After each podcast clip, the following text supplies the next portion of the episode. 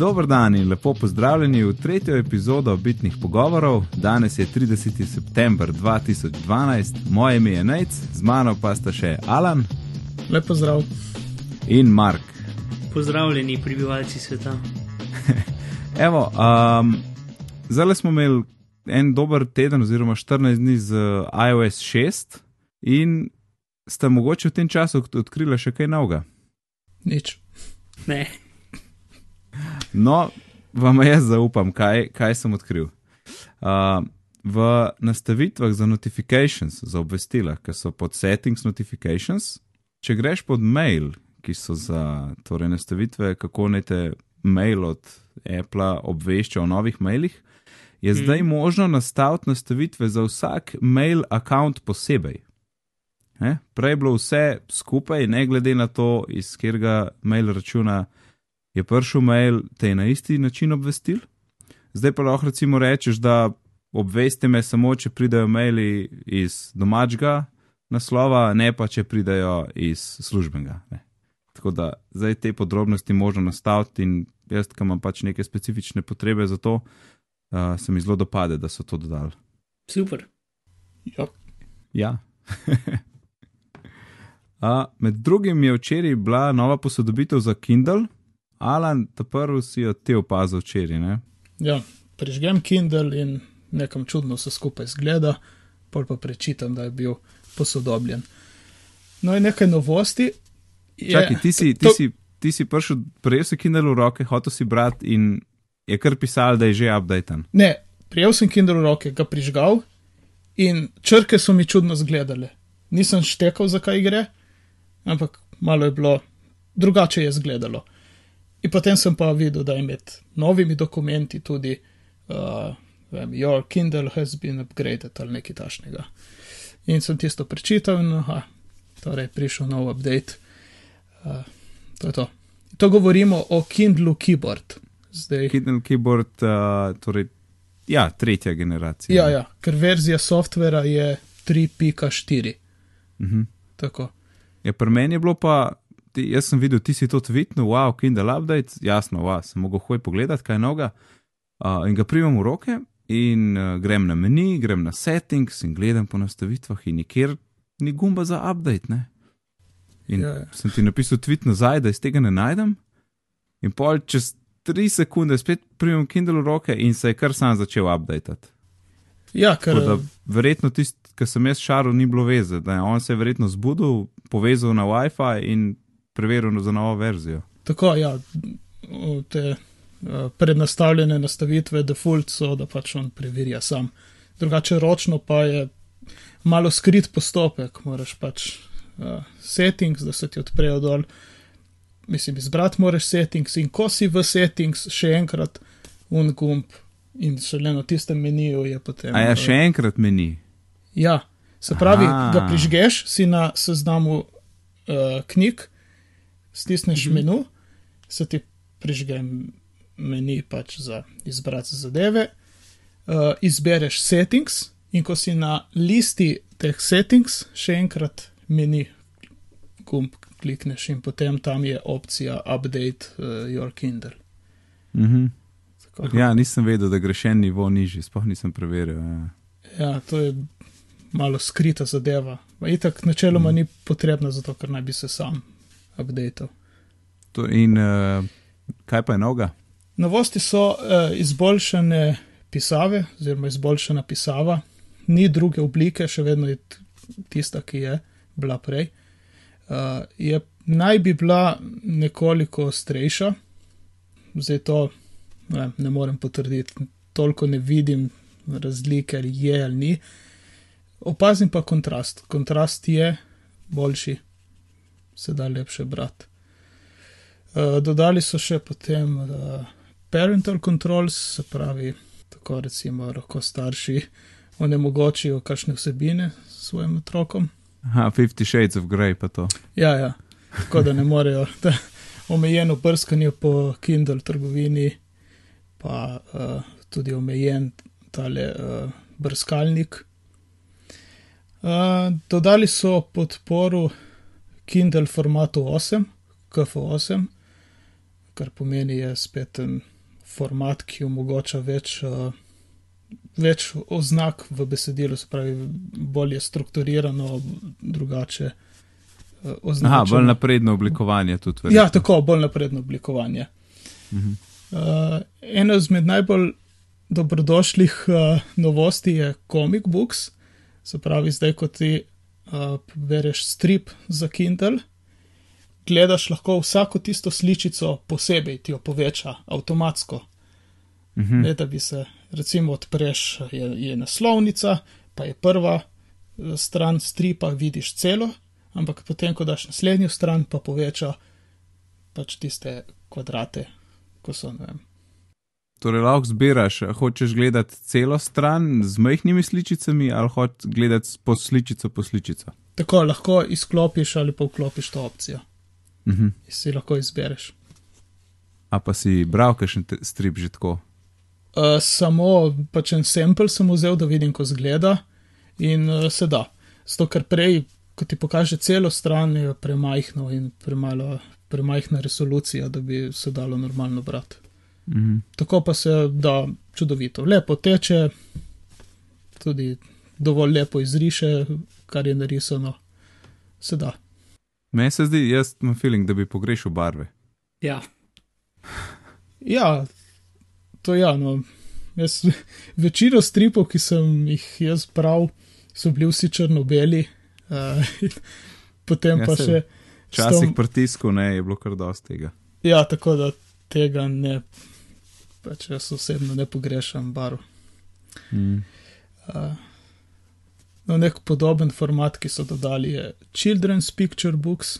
Tega nisem probal, ampak zgleda. Aha, neke slikanice. ja, slikanice zgleda podobno kot mogoče za te stripe. In pa Whisper Sync for Voice, se pravi, tega še nisem niti testiral, ampak naj bi šlo za to, da knjigo v Kindle formatu sinhronizira z uh, pripadajočo knjigo v Au- Audible, V, a, v audio obliki. Ne? v audio obliki. Tako. Torej, če kupiš, uh, dvakrat moraš v bistvu kupiti knjigo. Ne? Ja, Kupiš jo v Kindle obliki, pa kupiš jo na audible.com, kjer so audio knjige, ker Amazon je lastnik Audible. In uh, torej, če boš knjigo poslušal do neke, recimo, ene ure, ne, knjige so okrog 12 ur, poslušaš eno uro, pa primeš pa Kindle v roke in uh, pač odpreš tisto knjigo, ki si jo prej poslušal, in ti skoč na tisto poglavje, ne, kjer si ostal, na tisto stran, kjer si ostal pri poslušanju. tako. Mm. Vse to se meni sliši super, ampak um, ne, vem, ne, ne bi hotel dvakrat plačevati za knjigo. Ja, zdaj ne vem, kako je to. Nisem gledal še nič, kako zgleda, da bi se to dalo kupiti, ali potem samo nekaj malega doplačaš še za tisti Whisper Sync, ali moraš Mm. še avdio Ne, knjigo kupiti. Audio knjigo, jaz sem skoraj pripričan, da, da ja, ker pač tisto snemanje nekaj stane in gotovo ti je ne Mhm. daje za ston zraven pri Kindle obliki. Ja, V redu. Prejšnji smo tudi govorili o Apple Maps in novih zemljevidih, od ki jih je Apple dal ven skupaj z iOS 6 in okrog katerih je bil, je še vedno velik šunder, ker niso tako dobre, kot so bile Googlove. In je celo ta, kdaj je bilo četrtek, petek, mislim, da je bil petek, ko je Tim Cook dal ven javno sporočilo, da se Apple upravičuje za zemljevide, da niso dosegli tistih standardov, ki, katerim, s kat- katerim Apple stremi. In seveda, dost, dost uh, nekih odgovorov na internetu je bilo, da kako to pa res, kako tega Jobs ne bi naredil, da on se pa ne bi upravičil, pa tako, ampak. Ne vem, jaz mislim, pa kaj pol, če se ne bi, sej, mogoče pa to ni dobra poteza, da se ne. ne. To, da so, da so povedali, da vejo, da to ni tako dobro in da so se upravičili, je čist fair poteza. meni se tudi zdi. Ja celo dodali so navodila, kako si bookmarkat uh, Google Maps na browserju, kar je lepo od njih. Ja, ker Google Maps imaš na voljo prek, torej prek brskalnika. Ja. Mm. In Ja, pa, ja, in? In, uh, in pač spletne strani lahko daš uh, kot ikonce uh, na, na, recimo, temu na mizu telefona, na, na prvi strani, na, na pač, ko se pravilno reče temu. Na domač zaslon. Oziroma na kjerkoli zaslon. Eh? Ja, home screen se reče, Glavnem, tam, kjer ja. so ikone doma. Ne, Mislim, home screen je ta prvi, pa so pa še. ne home screen so vsi, tisti je sam prvi. Ja. Ok, prav. Um, ok, zdaj smo čisto stvar zarili nekam. Ja, ampak uh, dali so celo navodila, kako lahko ti nek uh, spletne zemljevide daš kot ikonco na domač zaslon, zato da imaš, da imaš tako kot ostale aplikacije, hitro na dosegu klika, tapka. Ja, Ja, pa ne samo to, ne, celo, uh, še celo povedali so z imeni, katere aplikacije oh. lahko, dokler oni ne zrihtajajo zemljevida, tako kot je treba, katere lahko uporabiš do takrat. Med enim predlogom je bil tudi Waze, ki mm. Sicer za, vsaj prime, za situacijo v Sloveniji ni boljši od uh, Apple Maps. Ja, verjetno res ne. Ja, manjka veliko cest, pa podatki mm. niso najbolj točni. Ampak ok, mogoče drugi je boljši. Gremo kar naprej na današnjo temo. no pa pojdimo. Ja, No, prejšnjič smo povedali, da bomo v tretji epizodi govorili o katere, katere aplikacije imamo na, ma, imamo na iPhonu na prvem zaslonu. Ampak bomo malo razširili to temo, tako da se bomo lotili tega naših pravzaprav najpriljubljenejših in najpomembnejših appov, ki jih imamo na iPhonu. In mogoče, Alan, kako imaš ti razporejene ikonce po zaslonih, kakšna je tvoja logika za tem? v takole. Načeloma sem na prvi strani poskušal dati uh, tiste epe, tiste ikone, ko jih uh, ali največ uporabljam, ali pa tudi, če jih ne največ uporabljam, so mi nasplošno uporabne. Uh, recimo Instagram, en tašen primer, ga ne uporabljam uh, vsak dan, redko kdaj ga pravzaprav uporabljam, ampak je na prvi strani uh, za ali pogledati slike od drugih, ali pa da je takoj na dosegu roke, če vidim nekaj, kar bi lahko bilo kot lepa fotografija, da je takoj na prvi strani prižgem slikam. To je to. Pa Ker to je so- čist na prvi strani, ni v mapi noter. Ne, ni v mapi, sam je. Mhm. Je ena od teh. Tako, Ka, to je en Kaj pa primer. pol, drug, tretji, pa naprej, zmešnjava ali tam tudi kaj logike? Na, na drugo stran sem nekako preselil v grobem tiste ikone, ki so, bile, ki so po defaultu na prvi strani. So sedaj, Te Apple-ove, ne? ja, te Apple-ove, ki jih je pač naštimano.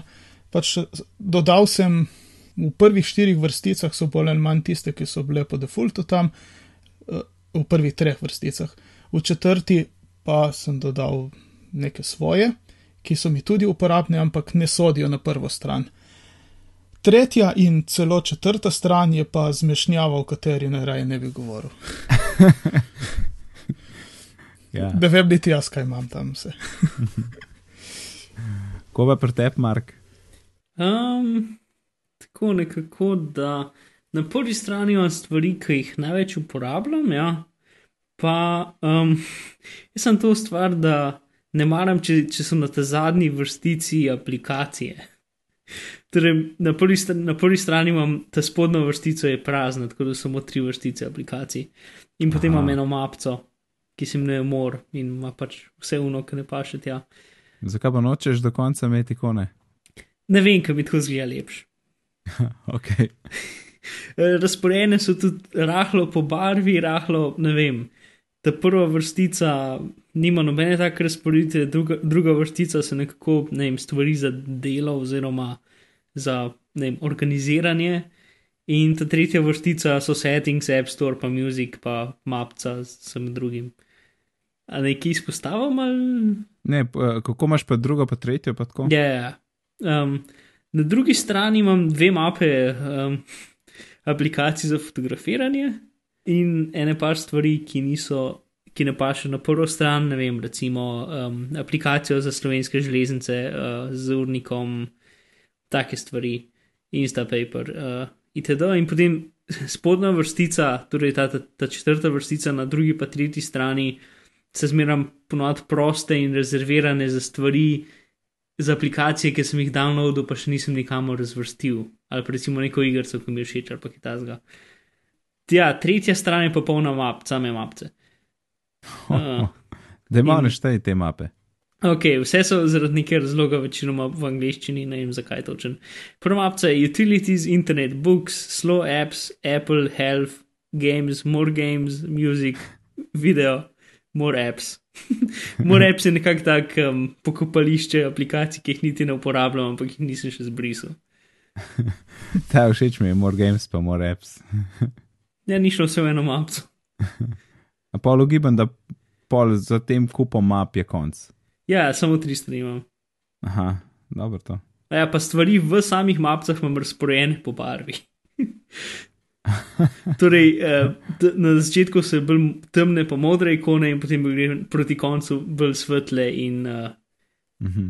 uh, rdeče ikone. pač, ja, ok. Ful dobro, vsak ima svojo tehniko, na to, to prvič slišim. Pa ti pomaga polč, kaj iščeš. Ne, niti mal, sem lep zgled. The best. Tako, važna estetika. Uh, pri meni je pa tako, da najprej dolg časa, ne, ne vem, po nekaj letih uporabe iPhona je kar zanimivo, kako se ta prva stran mi skozi menjava. Mhm. Ker dolg časa sem imel tle aplikacije, ki bi jim lahko rekel pomembne. Ampak pol, čez čas sem pa ugotovil, da moram jaz na prvem zaslonu imeti ne aplikacije, ki so pomembne, ampak tiste, ki najbolj pogosto uporabljam. Tudi Ja. če je, ne vem, butasta, recimo, čeprav niso. No. Uh, tako da kmalo so se pomembne preselile na drugo stran, na Mhm. prvi so res une, top uporabne. Druga ima nekaj več map, tako recimo branje, navigacija, video, snemanje, pa te Appleove, iTunes, App Store Music, settings tudi, pa imam še orodja, tle pač recimo vmes je tale lučka, ne ledica, če rabiš svetilko. Pol Mhm. tretja ima tudi še neki map, po, prvi dve vrstici, recimo pisarna, zdravje, trgovine, znanje, igre, dirkačine, ne, to isto igre, Twitter, ki ima sam dva epa not. No, pol pa po teh mapah na tretji strani se pa tudi začne um, kup Apple, ki, se, ki grejo še na četrto, pa polovico pete strani. To so pa tudi take, ki sem se jih dotaknil enkrat ali pa naložil, pa sploh še nisem časa se igrati. Torej, če greš v General About, koliko imaš aplikacij? Aha, Uh, da vidim. settings General About, jaz imam 145. Uh, videos, fotos, applications 149. Aha, zanimivo. pismu. Nisem vedel, da jih je tok. Ampak jaz sem vse na treh straneh, ti imaš pa kaj na petih. Ja, je več map imaš. Ja, na pet, uh, štiri cele in pol. Ja. Aha, in Alan. 65, na treh pa malček četrte. Vse boš kmalo prišel do stvari. Ja, slabo. In to, to so že marsikatera je že zbrisana, ki sem testiral app, sem videl, da je za nič in je takoj šel v smeti. Mm. Alan, kjer app je med tvojimi uno, vsakodnevnimi, recimo. In zakaj? Če, če ne štejem pač phone in messages, Ja, to ne, to ne. to ne bom štel, uh, so nekako uh, trije in potem je četrti, dobro, re, recimo štiri. Se pravi Instacast, Music, Tweetbot in Sparrow za mail. Te štiri so res top uh, v top uporabi. Uh, music, zato ker zelo rad poslušam glasbo in brez tega ne morem živeti in poslušam. Uh, Instacast za podkaste, zelo podobno glasbi, zelo jih poslušam in stoji so vsak dan v uporabi. Mogoče tle se ostavimo, ker Instacast vem, da vsi trije uporabljamo za pod, poslušanje podcastov. Zdaj pa mogoče, Mhm. zakaj pa ne poslušamo podcastov z uradnim appom od Apple? Uh, Mnogo razlogov, ne? no, mislim, zdaj je v bistvu Zdaj najnovejša verzija je zelo dobra. Tudi, če ne bi bil zdaj že navaden na Instacast, ne vem, če bi se niti šel sedlati, zato ker zdaj ima tudi avtomatsko v zadju update in take stvari. Tako da je zelo v redu, ampak uh, ja, pač. Instacast je še iz časa, ko, um, ko je pač Apple, več ali manj, če si hotel nove podcaste, si mogel telefon priključiti na računalnik in iz iTunes mm -hmm. dobiti oddaje. Ja. Zaradi tega. No, ampak je vse en par funkcionalnosti v Instacast, ki ne vem, zaradi katerih bom jaz še vedno tle ostal. Med, mm. njimi, med njimi to preskakovanje naprej in nazaj. Ja, po... to je verjetno najboljša funkcija. Ja, ja sicer to zdaj super. to je tudi v podcast cepu, samo je omejeno na 15 sekund. Mm -hmm. Uh, da preskakuješ podcast naprej in nazaj. Ne? In v Instacast si lahko sam nastaviš, mislim, da je 10, 20, 30, ena minuta, mogoče tudi dve, ne vem na pamet. Ampak to preskakovanje, to je tako uporabno, da že sam zaradi tega. Ja, ker včasih, ne, če si um, poslušal podcast in potem recimo odklenil pritisnil dvakrat na home, da so ti tiste tipke pokazale ne, -huh. uh, za, za to, in potem si po nesreči na mestu v pauzo pritisnil nazaj. In ti je cel podcast prevrtil na začetek, in potem ja. si nekako v tisti uri in pol, kako koli, mogel najti tisto točko, v kateri si bil. Tukaj pa v najslabšem primeru gre za vem, 30 sekund nazaj. Ja, ja. Um, in to je super funkcija. In celo to je možno upravljati z, z gumbi na, ja. na slušalkah. Ne? Vsi gumbi delajo na ta način. To je tako dober. Jaz doskrat grem nazaj, a grem naprej, včasih pač tiste reklame, ki sem jih že desetkrat slišal, jih preskočam, ker tudi vem, da so potrebne, ampak lej, jaz poznam tisto storitev, sem jih že trikrat slišal, red bi preskočil in yeah. Ja. dvakrat, dvakrat klikneš na slušalkah in skočiš naprej.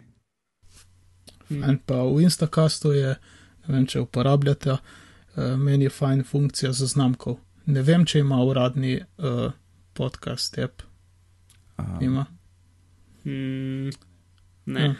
Jaz ga nisem niti dosti preizkušal, enkrat, dvakrat uh, sem ga odprl, pogledal, mi ni bil všeč, čisto tako po feelingu. Mi ni šel in sem vaju vprašal, kaj je zdaj za ena stvar za podcaste in sem pristal na Instacastu. No, da se vrnem k zaznamkom.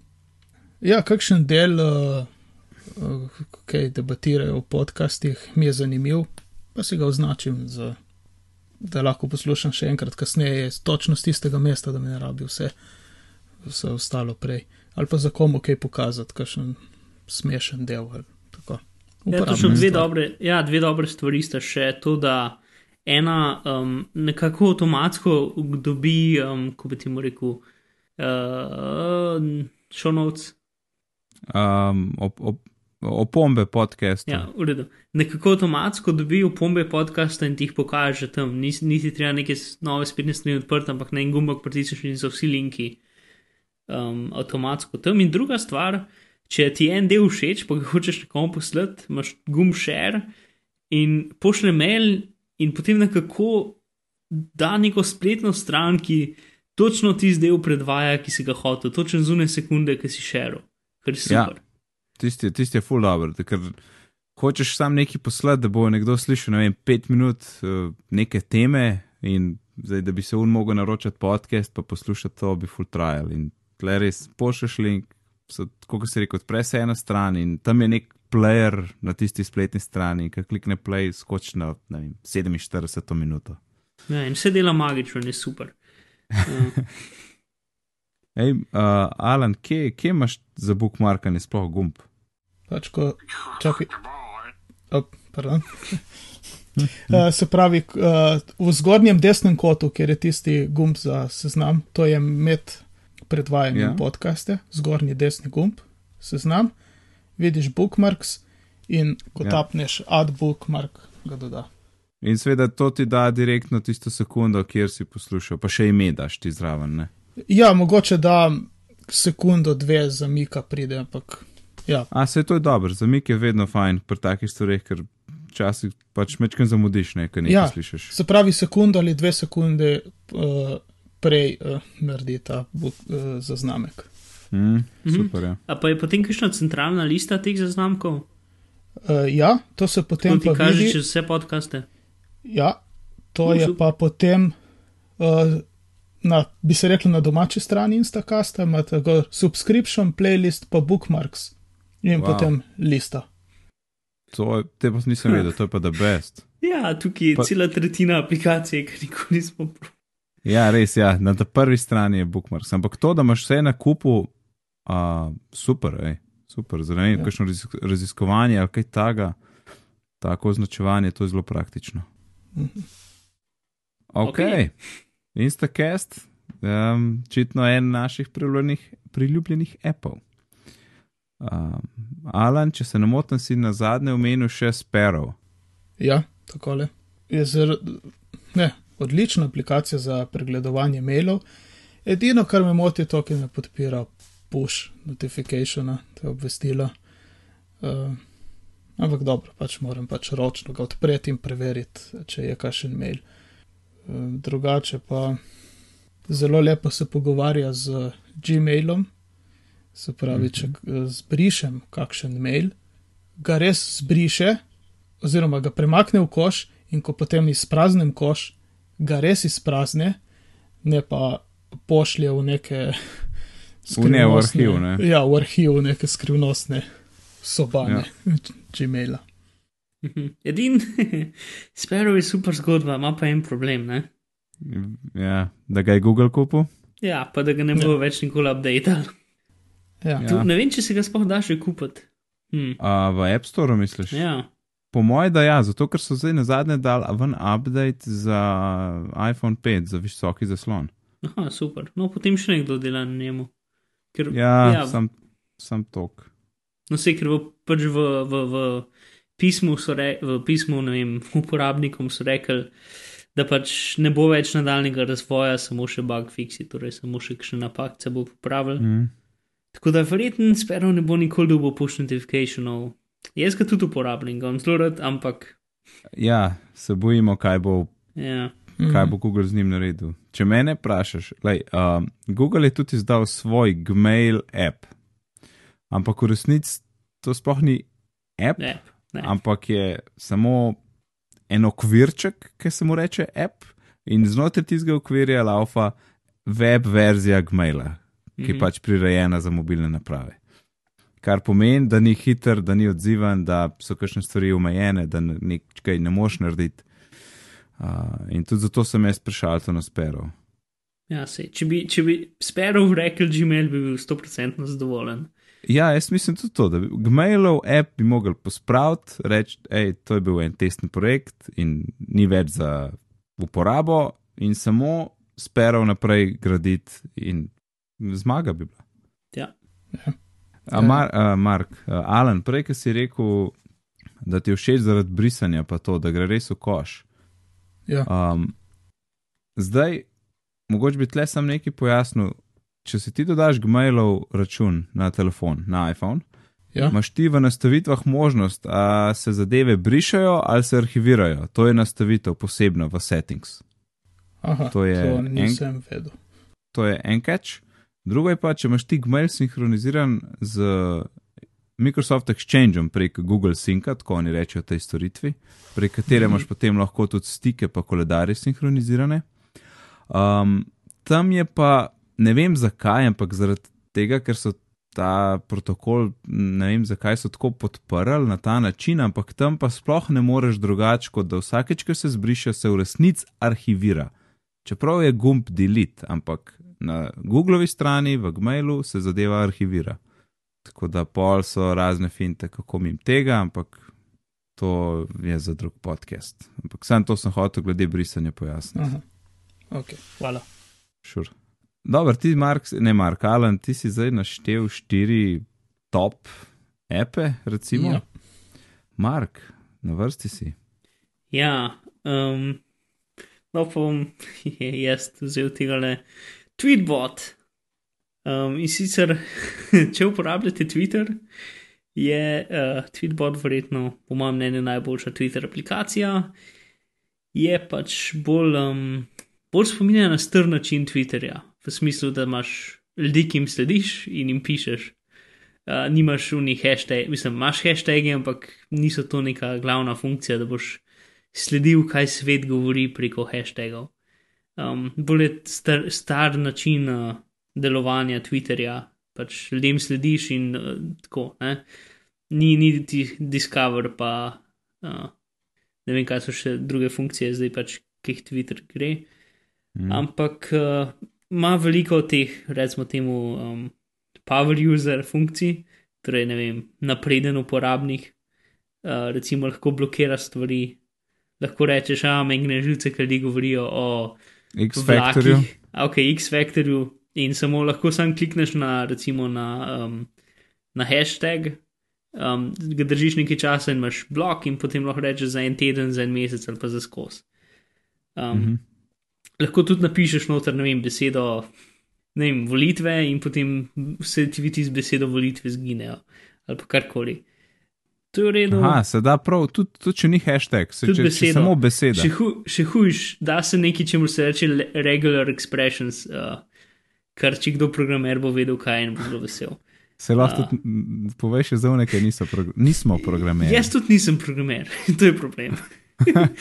Več ali manj super kompliciran način, da lahko filtriraš praktično karkoli z uh, posebnimi znaki. Aha, tako. Torej, če, če veš, kaj je regular expressions, potem to funkcijo izkoristiš. Ja, recimo, ne vem, lahko rečeš, uh, uh, ta beseda od uporabnikov, ki ima manj kot toliko upora od uporabnikov, ki ima manj kot toliko sledilcev, je blokirana, več pa ne. Ne vem, take stvari, nore, nore stvari. Uf, to bom pa pogledal. To nisem nič vedel. V te, v te, no, sej, to je taka skrita funkcija, ker večino ljudi ne zna tega. Mislim, tudi ni, ne rab. Glavnem. Ne že una, glede besed, ki si rekel, da ni, to, da ni treba, da je hashtag, to. Ja, To je ja, ja, plus lahko kliente, recimo, full ljudi, ne vem, ki tvita, ki je avtomatsko, recimo, ne vem, Foursquare. Lahko preprosto client Foursquare zbrišeš, ali pa recimo 9gag, ki so stvari z 9gag, če so postane spletne strani, je client 9gag. In lahko Aha. zbrišeš vse uno. Um, No, ne pač- zbrišeš, pač skriješ, ne, blokiraš, da, da ne skriješ, v vidiš. redu, ja. Ja, ja. To um, potem super je, če imaš več računov, je super. Um, za nove tvite imaš pač drevce in pa imaš funkcijo za fotoaparat, je super, ker če klikneš na fotoaparat, ti recimo imaš možnost uh, zadnjo fotko, ki si imel sliko. Namesto da greš v galerijo, pa scrollaš, pa to, preprosto je gumb zadnjo fotko, ki si imel sliko. Ja. Logično in super. Take stvari, srce je v redu, um, pa vse normalne stvari, ki jih pričakuješ od Twitterja. Uh, če swipaš po, torej če potegneš po um, nekem kontaktu, ti da cel pogovor, o, uh, kaj, kaj je bil pogovor pred tem in kaj je za tem tweetom. Ja, to sam, če, če na nek, na nek tweet potegneš v desno, ti ja. odpre kompleten pogovor, ja, pred in po tem tweetu. Yep. To potem, take bolj skrite stvari, recimo, če dolg časa, oziroma kaj že narediš, če dvakrat, ja, če dvakrat klikneš na uh, ikonco svojega profila, ti odpre fa- Favstar, ki je neka stvar, da vidiš, koliko ljudi je retweetalo oziroma z zvezdico dalo tvoje tweete. Ne vem, vse mogoče napredno uporabnik funkcije. Uh, tako da je super, mislim, verjetno ena izmed mojih ljubših aplikacij na telefonu pa lepo zgleda na tak svoj način. Ja, res. Jaz vsakeč, ko me kdo vpraša, kjer app, tweetbot, tweetbot, tweetbot. Jop, Pa se ja. kdo spotakne ob to, da, je, da košta dragih 2,4 evra. ojoj. Ja, se vem. Se, ampak za, za nekaj, ki uporabljaš vsak dan, vsaj jaz to uporabljam vsak dan, pa verjetno ja. Eno uro, no, ok, verjetno ne eno uro, ampak no, kdaj tudi. V glavnem, več časa je to čisto redo cena. Mislim pa, to, ki je boljši, kot uradna Twitter aplikacija, ki je bolj pregleden, vse je boljše. No? Če si ja. Resen uporabnik Twitterja, potem Pa moraš to me- ta app imeti. Mislim, če si resno uporabnik Twitterja, pa ne moreš imeti uraden Twitter app. ne. Pa še, ja, prej si govoril o bližnjicah, pa to še, še dve sta, ki se jih spomnim.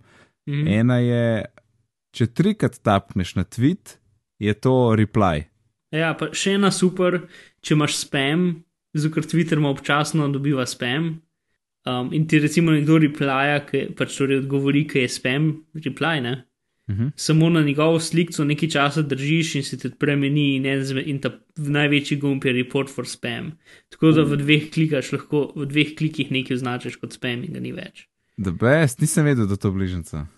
Ja. Ja, veli, veliko. Praktično vse gumbe se da, se da dolg časa držati in, in ti da še več možnosti. Mm, Um, Ja, ena je tudi, recimo, sem videl, uh, če dolg cajt držiš gumb za uh, retweet, te vprašaj, iz katerega akonta želiš retvitati. Ja, ja. Tudi zelo praktično, ni treba ven iz akantov me, jih menjati gor dol, da nekaj retvitaš, ampak direkt iz katerega koli si. ja, pa listo imaš lahko kot. Uh, Ja, Listo imaš lahko kot timeline.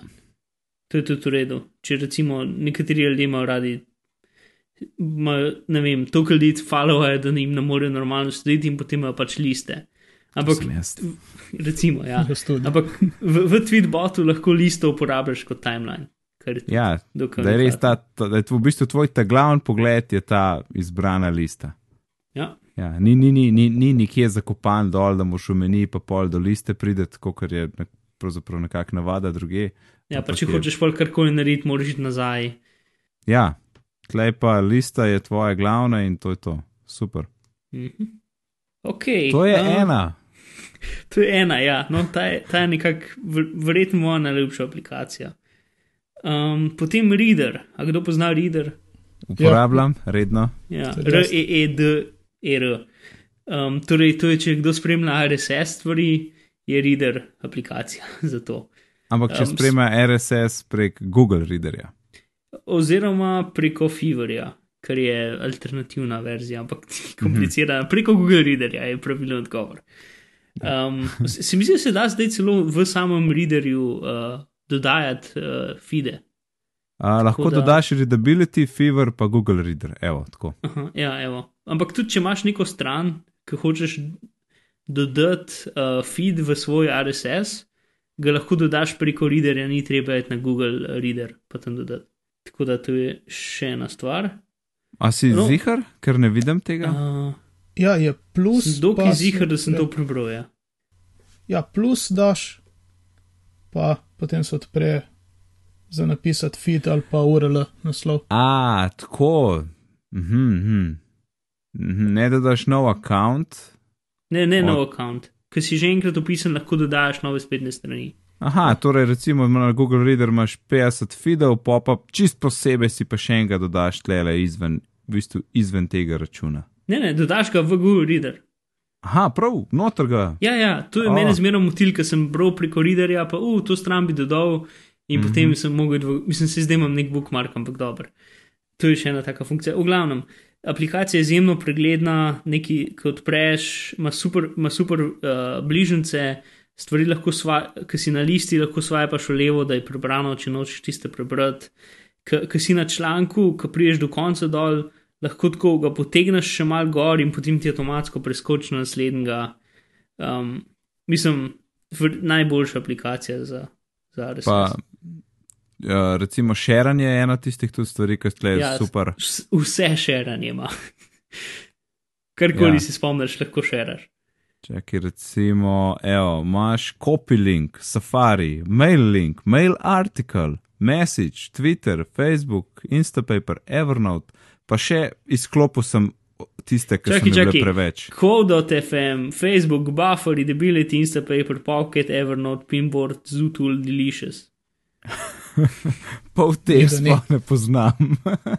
Ja, se, ja, plus to je aplikacija za um, iPhone, mislim za telefon, za uh, iPad in za računalnik.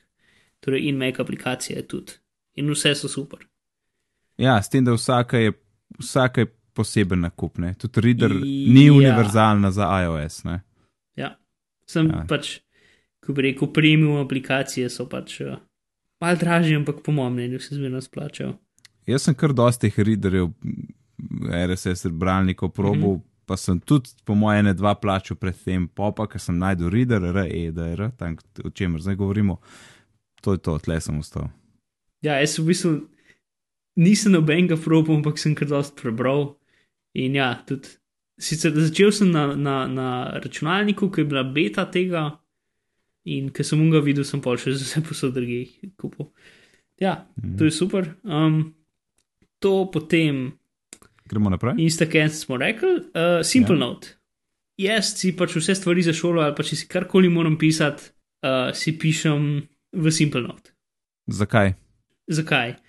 Ta stvar dela uh, neformatiran tekst. Torej, stvari, ki vam pridejo iz tega, so pika tekst, nima nobene. Vse jih odpre, no. ni, ne? Ja, ni, nima nobenega oblikovanja.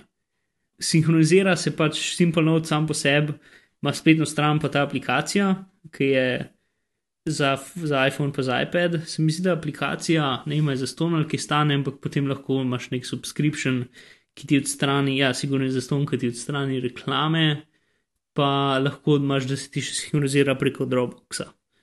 Pa lahko imaš, da um, potem ti svoje note objaviš kot spletne strani, kar je tudi kar v redu. Pa take stvari, pa da jih šeraš ljudem, in tako naprej. No, in potem so tudi aplikacije, uh, ki pač Simple Note ima svoj protokol, ki se potem sinkajo še na računalniku.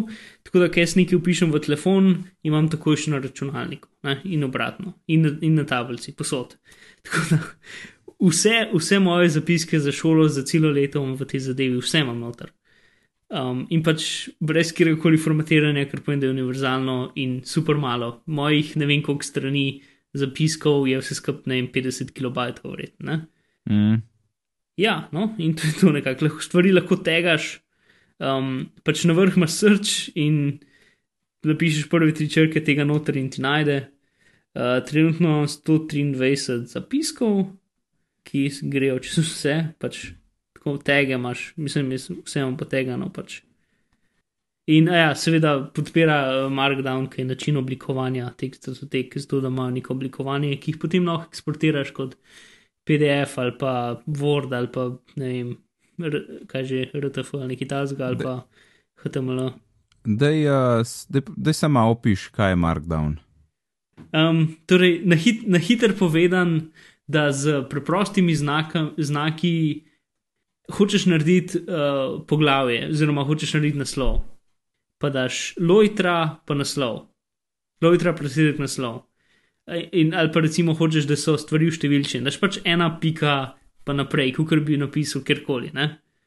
Mhm. Uh, ali pa take stvari. In potem pošleš čez, čez uh, Markdown proces, recimo, in potem on prepozna te znakce in ti jih spremeni, če lojtra od spredi, naredi velike črke, pač kao naslov.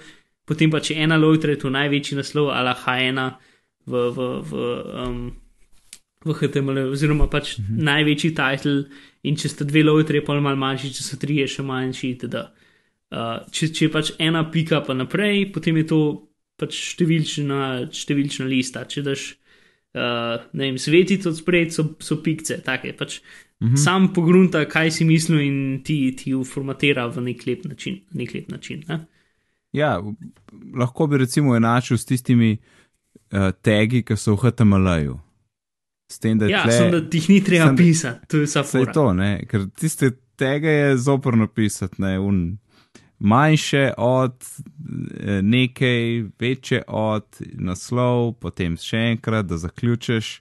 Tle pa pravzaprav neki dogovorjeni znaki so, ki se jih uporablja za to oblikovanje. Ja, se. To je izumil John Gruber, zato da je pisal svoje blog poste, da je lahko hitro jih napisal in potem poslal čez to in imel HTML spletno stran na koncu. Ne? To je bila, to je originalen pač ta. Ampak ne vem, za, za mene pač, plus hec je v tem, da je človeško brljivo. Če bi jaz pisal HTML, ne, pa da bi hotel, potem ta tekst ne bi bil več tako za človeško brljiv. Ja, če bi, če bi HTML sprinto pokadal mami za prebrati, se bi težko prebijala skozi, recimo. Ne? Ja, če imaš pa pač tisk, ki bi mogel biti, poglav, tisk, ki bi mogel biti velik, uh, ne vem, poglavje ali karkoli, če je lojtra od spreti, je pa že mogoče še približno jasen, da je tisto bolj pomembno. Ali pa lahko druga možnost je, da daš um, pod besedo, daš črtico od spod, pa to je tudi veliko. Pa take, več možnosti ima, glavno. Mhm. Ok. Okay, hvala za razlago. Zdaj imaš pa še, še en app. Uh, kaj gremo? Ok, bomo, a ostanemo uh, na tem prvem zaslonu ali ne vem, lahko kakšno zabavno fotografsko ali pa kakšno igrico, ali pa uh, ta tretja možnost je pa, ker jaz v bistvu ne uporabljam phone appa. Uh, torej, phone app, s katerim telefoniraš, ne uporabljaš. Ne, Ja, kako pa praktično nikoli. Mislim, ga uporabljam za samo telefoniranje, ampak za izbiro, koga bom klical, pa ne. Aha, povej več. Povej več, ok. Torej, ena firma, ki se imenuje, uh, se že imenuje, Delicious Trousers ali nekaj v tem smislu. Ja. Uh, ne, čakaj, sama. zdaj smo- Ni delicious Ok, si monster. se- Ne, ni, ne, si to je hec, zelo sem. Je fancy trousers, teme, ali red trousers. Ok, si vsem. Um, v glavnem, je, je ena, um, dva, dva izdelovalca aplikacij, sta, ki imata ene par teh aplikacij. Ta prva je bila Kalvetika, ki so bili koledari. Um, in tako zelo svoj stil ima, ni niti slučajno tako kot ponovadi aplikacije zgleda na iPhonu. Taki minimalistični so, ne bom rekel, kao Windows 7 oziroma Windows Phone 8, neki neki, to ne, mislim, ho- ne zgleda kot Windows Phone stil minimalističen, ampak ne vem. Tak je, sploh ne znam opisati, minimalistične so v glavnem. In ta druga aplikacija, ki sem rekel, se imenuje Delvetica. In sicer odpreš jo in vidiš seznam ljudi, ne? in od spodaj tipkovnica. In ta seznam vseh tvojih kontaktov se avtomatsko um, prilagaja potem, koliko jih kličeš. Aha, Ok. torej po pogostosti klicanja. Ja, namesto da ti svoje lastne favorite izbereš, imaš avtomatske favorite. Tiste, ki največ kličeš, tisti so na vrhu. Mhm. Ja? In potem uh, od spodaj še taka čist, taka kompaktna kostna tipkovnica, um, ki zauzema sam, ne vem, 3 cm prostora na zaslonu. Um, in tukaj recimo, da hočem klicati uh, Olgo Štavar. Uh, napišem OS, samo OS pritisnem in potem se te dve črke v bistvu zažarita, ostaneta pržgane. In potem ti vse najde, ker ima 8 noter in na to prvem mestu je Olga Štavar, in potem so še vsi drugi. Torej, ni treba napisati Olga, ne, ali pa lahko kar neki, lahko daš, ne vem, pač nekaj, kar je v črko- imenu. Ja, tako napredno iskanje, nekaj, kar je v imenu, ni treba, da je po vrsti, ni treba, da je nič, samo da je približno to, kar hočeš. In tako lahko zelo, hit, zelo na hitro najdeš kogarkoli. To, če klikneš na osebo, jo kliče, potem imaš pozdraven gumb za SMS, pa gumb za e-mail, lahko pa to tudi vse prilagodiš. Aha, da že vidim, tle gor. vidim. V seznamu ne, kontaktov ima že takoj knofe za message, pa klicanje, pa mail. Ja, tako da Ja, če ni, ni klikneš. treba noter. Ja. Ja. In ko ta prvič klikneš gor, ti, ti reče, da zbereš, uh, če imaš več številk za kontakt, da zbereš ta glavno številko. Če klikneš na ime, potem tako kliče uno številko. Če klikneš na telefon, zdravo ti da možnosti številk, pač taka. In potem, če, uh, tam imaš eno fun, en gumb za funkcije, in če to en gumb držiš del cajta, ti odpre uh, klicalnik. Oziroma, pač številčnico, da uh -huh. lahko kličeš kjerkoli številko, ki je tudi drugačna od običajnega iPhone umestnika. Ja. Ja, je taka kvadratna. Tle vidim, da je ta tipkovnica full nizka, tako um, Ja, majhna, tretjina zaslona na mest polovica. Ja, ali pa še manj. Um, zdaj me pa sam zanima, a si, si se hit navadil na to, pač drugačno tipkovnico? Ja, mislim, ne, ker se to tipkovnico zelo, eno večino likih liče so že tam, ker so največ, najbolj iskane, najbolj klicane osebe so vedno na vrhu. Torej, zelo malokrat v bistvu rabaš. uh -huh. Takrat, ko jo rabaš, pa ne vem, pritisneš ta prvo ime, ime ta prvi dve črki, ki ste v imenu in, in, in poišče. Tako da ni, ni tega, da boš pisal celo ime noter. Ne? Ampak samo ponad so dve črke ali pa ena črka že dovolj. Torej, ko odpreš, ti vidiš pravzaprav uh, celoten seznam svojih stikov, je tako? Ja. Ni, Ni tako, ja, da zdaj to je celoten, ampak- prvih, to ni to za tistih prvih top 10, ampak vsi. Ne, ne, celoten seznam je. Uh -huh.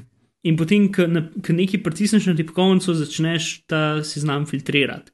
S tem, ja. da ni tako, da, da ko bi rekel, ko nekaj pritisneš, tista črka ostane pritisnjena. Uh, recimo, ko pritisnem E, se E začne svetiti in najde vse stvari z E-om. Uh -huh.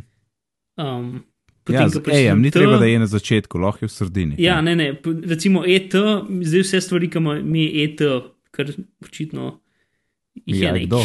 A je, aha. Ja, ker niso skup, ni nujno, hece, da, niso, da ni nujno, da so te dve besede skup, da so te dve črke mm -hmm. skup. Um, ok, ETJ, uh, ni več nobenega. V glavnem, uh, mislim, meni je to super, fulbel hiter kot običajen. ja Pač ta ima pa seveda svoje slabe stvari. Ena izmed teh, da pač, ko pritisneš na nekoga, potem preklopi v običajen telefonski uh, klicalnik, kar definitivno traja kakšno sekundo dlje, da prideš od, do tega, da klikneš na nekoga, pa do tega, da ga kliče. Tako za dve sekunde te, ali pa za eno sekundo te vrže neko črno luknjo, ki se zažiga, prižiga aplikacija za klicanje. Um, ta je taka, dolgo, dolg časa niso podpirali šumnikov, ki jih zdaj na srečo jih, čeprav na ti tipkovnici ni šumnikov, na ti uh -huh. mali kostum tipkovnicih ni. A če Lahko po nastavitvah. Če napišeš, Nasti- če iščeš pod S, bo najde tudi Š. A, poglejmo. A, ne. Okay. Lahko pa kjerkoli drugo črko v imenu.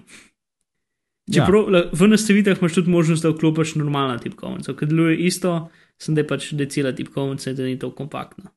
Mhm. Kako pa rešuješ um, problem zgrešenih klicev uh, in značk uh, Ja, ja, na eh, v, v ma, na prvem zaslonu imam mapco, ki se imenuje več, in v tej mapci je, je phone aplikacija. Tako da za vse druge stvari grem tja. To je samo za klicanje. Aha, torej, Ker pač...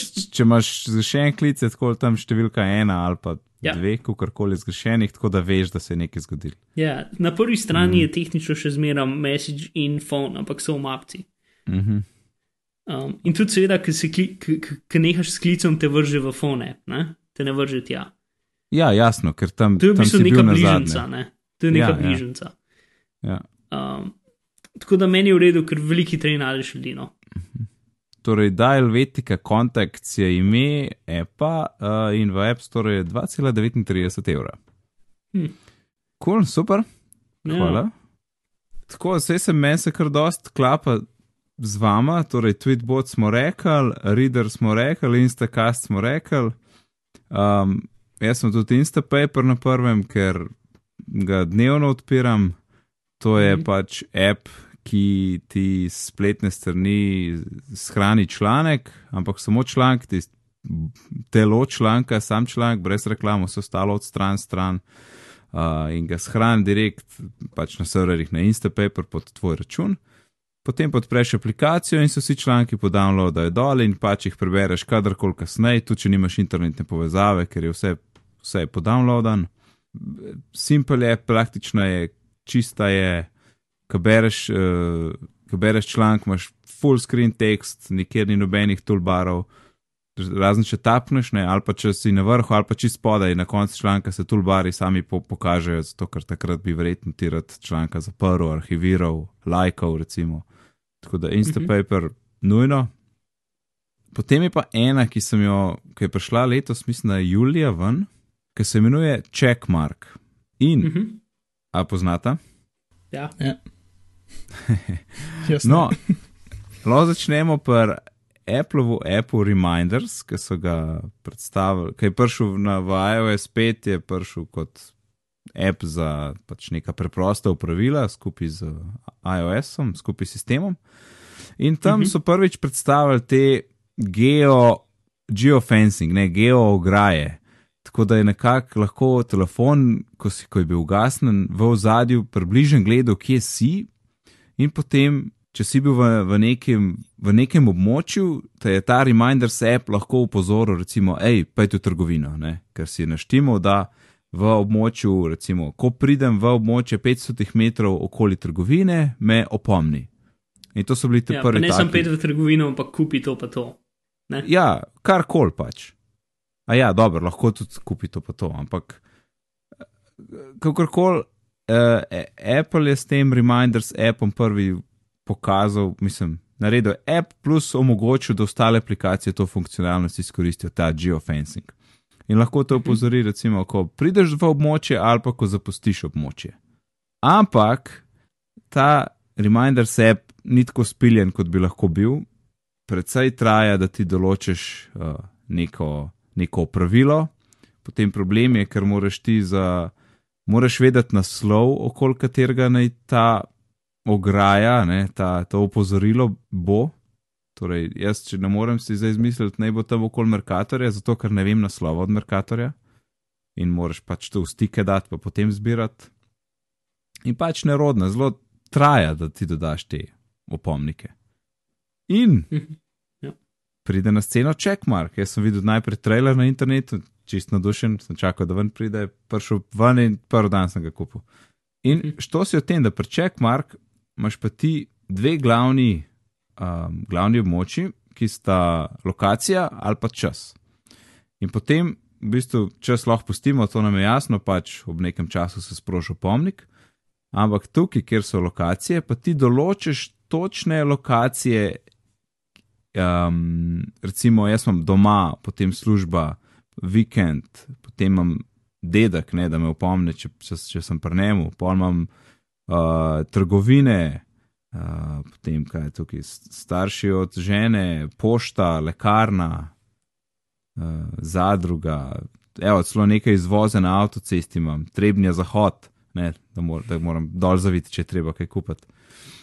In ko določiš ti to novo lokacijo, lahko, uh -huh. lahko zbiraš po naslovu, lahko rečeš, pokaž mi zemljevid, pa tapkneš, pa se žebliček tja pokaže, zapič, potem določiš, a ne bo to 20 metrov od tega žeblička, a ne bo 500 metrov od tega žeblička, ne? tako da lahko res narediš neko široko območje da, in potem shraniš. Zdaj pa, kam imaš ti te lokacije shranjene, samo lahko, lahko tapneš gor, pa vidiš, kje je opomnike imaš, lahko pa dvakrat tapneš gor na lokacijo in takoj dodaš opomnik. Ne, torej, res recimo hočem, evo, ko pridem v službo, naj me spomni, da ne vem, moram poslati en mail. In napišem opomnik, ne vem, pošli mail, ok. In zdaj zberem arrival, torej ne me spomni, ko pridem. In zdaj še bonus, super bombonček, ki je manjko v Reminders appu od Apple, je, da ti lahko rečeš, spomni me 10 minut potem, ko jaz pridem tja. Zato, ker če te bo spomnil, takrat, ko boš ti parkiral in preden boš prišel v pisarno, boš že zdavni pozabil, kaj je tam zvonil. In to, te opomniki z zamudo so najboljša stvar. Lokacijski opomnik s 5-minutno zamudo ali pa 15, to je najboljša stvar, ki se je kdo spomnil. Doskrat so me že rešili, kadar, ker jaz pa pozabljivost, to sva full prijatla. Mark, kaj pa so tvoje izkušnje s tem appom? Ja, jaz ga sicer nimam. A ja, sam poznaš ga. Poznam, ja, videl sem ga, videl sem trailer, vse je bilo super, ampak pa ja, bi res rad imel že ta peti to-do app ali pa ta šesti, verjeten. In pa sem rekel ne. Čeprav. Res, ej, ker se da zelo hitro, to je ful pomembno pri to-do appih, sicer bomo še v drugi epizodi govorili, mislim, četrti tehnično. Um, da mora biti simpel in moraš imeti možnost hitro dodati stvari. Če, Ja, če ne bom. S to je skler uporabljam. Sem kler, nima vseh naprednih funkcij, samo napiš nekaj na list. Ja, tisti Ja. drugo, ne. te so res. Uh, v bistvu tudi za čas dodati je zelo hiter. Sej čas ni nič A tazga. Lahko rečeš, to, spomni me čez pol ure. ne, moraš dati datum in uro. Huh. Ja, recimo en od minusov, ki sem jih videl, sem tudi pol developerju pisal. Uh, je, recimo, jaz pridem, kot sem prej rekel, spomnim me 10 minut, ko pridem v službo, super, to bo naredil. Ampak uh -huh. zdaj pa recimo, jaz pridem v službo in v tistih, takrat, ko meni to začne zvoniti, jaz nimam časa to narediti. In nimaš možnosti uh, Ja, zamakniti, ne? Ja, Ja, ja snus, snus, da bi rekel, ok, da me čez pol ure spomnim, zdaj ne morem. To manjka, to je eno teh Aha. minusov. Uh, ena, ki sem se jaz še pri uporabi, sem videl, da bi bila zelo praktična, je samo spomni me, ko grem od, tle, od tam, kjer sem zdale. A veš, ne glede na to, kje si, ker nimaš časa takrat dodajati nove lokacije, za, ne vem, če si sred polja. Samo uno, spomni me, ko grem od tukaj. Kaj je A lahko imaš čist, možnost, da iščeš za lokacijo? uh, kot recimo Merkur? Ja. Ne, vem, na kaj ciljaš, ne, Aha. uh, tega ni. Imaš add from map, add from current position, current position, torej dodaj iz zemljevida, dodaj iz trenutne, trenutnega položaja ali pa uvozi s- iz lokacijo iz stika, iz enega iz imenika, ki ga imaš. To so te tri. Ne. Tako da add your current position bi sicer lahko bilo, ampak jaz bi res en gumb, samo uno. Tukaj sem, da mi opomnik na, na tukaj. Ne. Ja, to je, ja, definitivno. Mal problem bi bil rado, zato ker teh tukaj lo- lokacij bi mm. Ratal velik, tako da ne vem, kako, bo, kako bi to rešili, ampak um, bi Ja. bilo pa zelo dobrodošlo. Ne, ne vem, mogo bi kakšno zgodovino imeti ali kaj takega. Ampak da bi imel en knof m, za to. Jaz sem jim pisal, so rekli, ja, dobra ideja, bomo razmislili. Pa sem jih še malo odrezal, če bi mi malo povedali, kaj bo v, v naslednji verziji. Je rekel, da ne more povedati, ampak da bo fajn. Tako da se veselim, kar koli že bo. Ja, se zdaj, uh, kjer ne bi tudi zdaj dobil full veliko posodobitev. Ampak ja. Hm, hm, hm, hm, hm. Ja, lahko še klir omenimo, zdaj, ko smo gledali, kaj si ga že ti. Ok, recimo. Uh, Clear je super, super preprosta aplikacija za liste. Pač. Da tudi vse Um, zname, ne. Ja, tudi vse zname, pač, ali pa bucket list ali pa karkoli. Ja, res je tak. Klir je super simpel za uporabo in super simpel zgleda, in tudi super simpel malo funkcij ima. Točno tako. ja, In muskulav s njim špilaš. ja, ja. No, sej bomo šli v detajle naslednji teden s klirom, ampak pač tudi je od enih, pač en od enih appov, ki ga uporabljava. Um, ok, hvala, to je vzelo kar dosti časa, pa pravzaprav smo pogledali samo nekih 7-8 aplikacij. Uh, hvala vsem za poslušanje, tole je bila tretja epizoda Bitnih pogovorov. Alan, hvala, da si bil z nami. Povej nam, kje te lahko najdemo. Trenutno na Twitterju, ker je nek uh, afna Alan Ondolo, A-L-A-N-O-N-D-O-L-L-O. Načrtujem tudi en literarni blog, ki, je trenutno, ki se trenutno nahaja na alanpepelko.tumblr.com. Bom pa še to uh, obvestil in posodobil zadevo, ko bo bolj začela delovati. Ok, super. Hvala, Mark, tudi tebi. Kje te lahko najdemo? Hmm, uh, če greš na http, dvopiče, slash slash www.google.com in vpišeš noter Mark Bizil, pritisneš Enter, oziroma zdaj je že kar avtomatsko ti da odgovore, bojo vsi odgovori o meni, wow, tako da to je najboljši način in tam so vse strani izbrane. Ok, to je varianta, hvala. Aha. Torej, hvala za poslušanje. Moje ime je Najc, jaz pišem za Jabolko RG, sicer se ukvarjam z izobraževanjem, gradim e-tečaje. Če vam je bila oddaja všeč, vas prosimo za en review v iTunes, če ne, nam pošljite mail, pa bomo popravili, kar vam ni bilo všeč. Naslednjič bomo govorili o aplikacijah, o produktivnosti, organizaciji, kako se mi tega lotimo z gadgeti, z računalnikom, z iPhone, z iPadi. Uh, lepo se majte do naslednjič in uživajte. Ciao! Dio. Čau, čau.